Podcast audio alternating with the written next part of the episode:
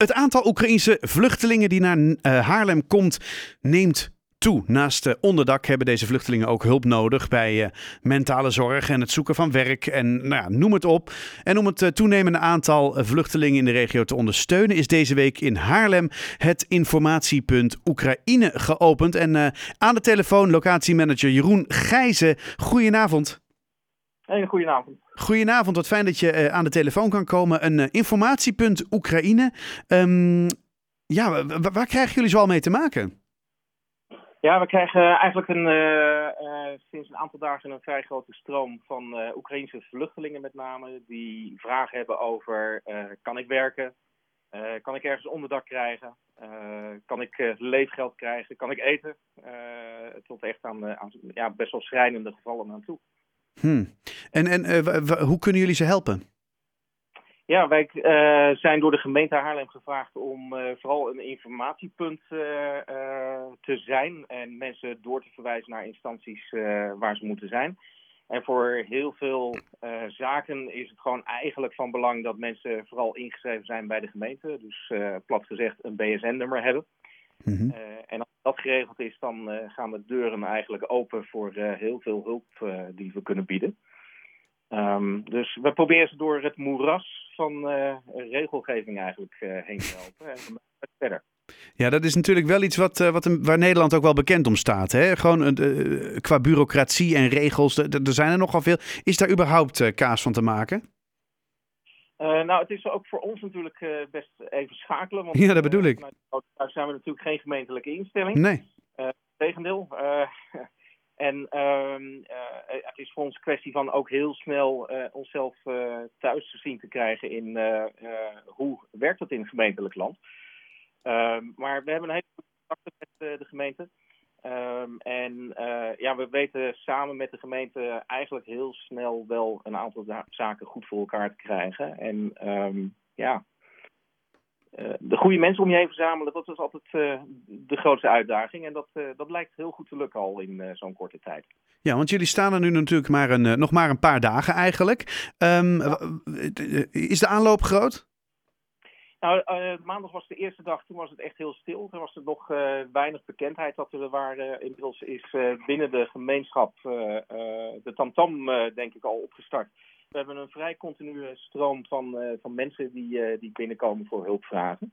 En dan vanuit echt de, de Oekraïnse ja, samenleving, om het zo te zeggen. Ja, ja minder vanuit de Nederlanders die uh, mensen uit Oekraïne in huis nemen. Dat hadden we wel verwacht, maar die, uh, die hebben ons nog niet gevonden. Nee, want vorige week kwam natuurlijk, of was het twee weken geleden inmiddels al, ik ben de tijd een beetje kwijt, maar kwam het nieuws naar buiten dat er uh, nogal wat spijt op zijn. Hè? Mensen die zeiden van nou, hè, kom maar hier met die Oekraïnse vluchtelingen, we hebben nog wel een kamertje over.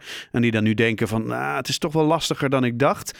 Um, ik kan me namelijk ook voorstellen dat deze mensen bij jullie aankomen en zeggen van goh, um, we lopen toch tegen bepaalde zaken aan. Hoe kunnen wij ze nou verder helpen? Maar uh, die, die mensen heb je nog niet zoveel gesproken.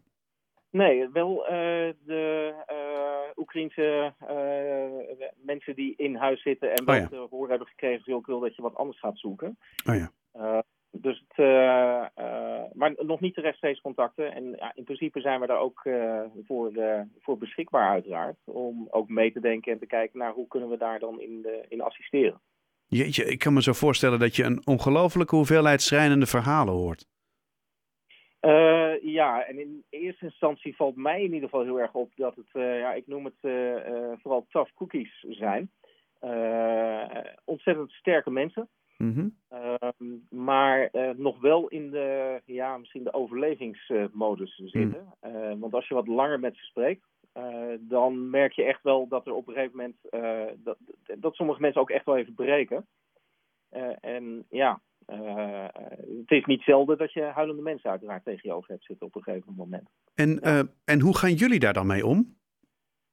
Want jullie krijgen die verhalen. Dat, ik bedoel, dat lijkt me ook best wel heftig. Je zult ook een soort met elkaar hierover. Nou ja. Zeker. Ja, we, we praten aan het einde van de dag uh, met elkaar de dag door. we bespreken ook even met elkaar hoe voel je je eronder. Uh, ja, dit is uh, eigenlijk dag, uh, dag drie, dus dag twee dat we echt uh, mensen over de vloer hebben gehad. En eigenlijk vanmiddag ook voor het eerst gesprek hebben gehad met elkaar van ja, best wel even wat, wat heftigs meegemaakt. Hè? Hoe, wat doet dat met je? Ja. en dat geldt ja, voor, voor iedereen hè, die wat meemaakt. praten we vooral over. Maar wij kunnen bij het Rode Kruis ook prima ondersteuning krijgen vanuit het Rode Kruis voor, voor hulp. Oh, dat is fijn. Dat er wel een soort lijntjes lopen om dat te regelen.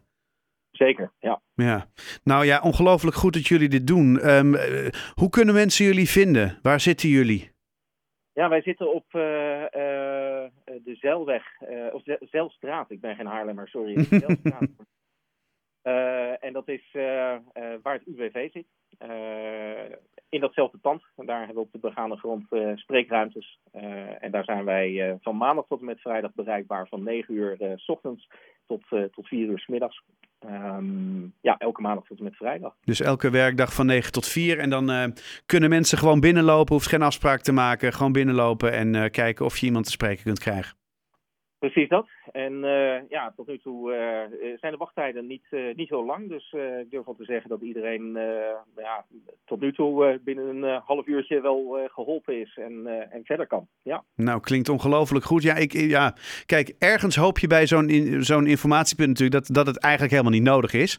Dus het klinkt een beetje gek dat ik je succes wens en hoop dat jullie nog lang veel goed werk kunnen doen. Maar ergens hoop ik ook dat het op korte termijn niet meer nodig zal zijn. Uh, we hebben uh, in de vorige crisis ook gedacht dat we er in drie maanden vanaf zouden zijn, COVID. Ja. Uh, ik ben bang dat we wat langer bezig zijn. Ik hoop het niet, maar we doen wat, wat nodig is. Nou, en dat is heel belangrijk. Dankjewel. locatiemanager Jeroen Grijze over het informatiepunt Oekraïne in Haarlem. Ik wens je een hele fijne avond.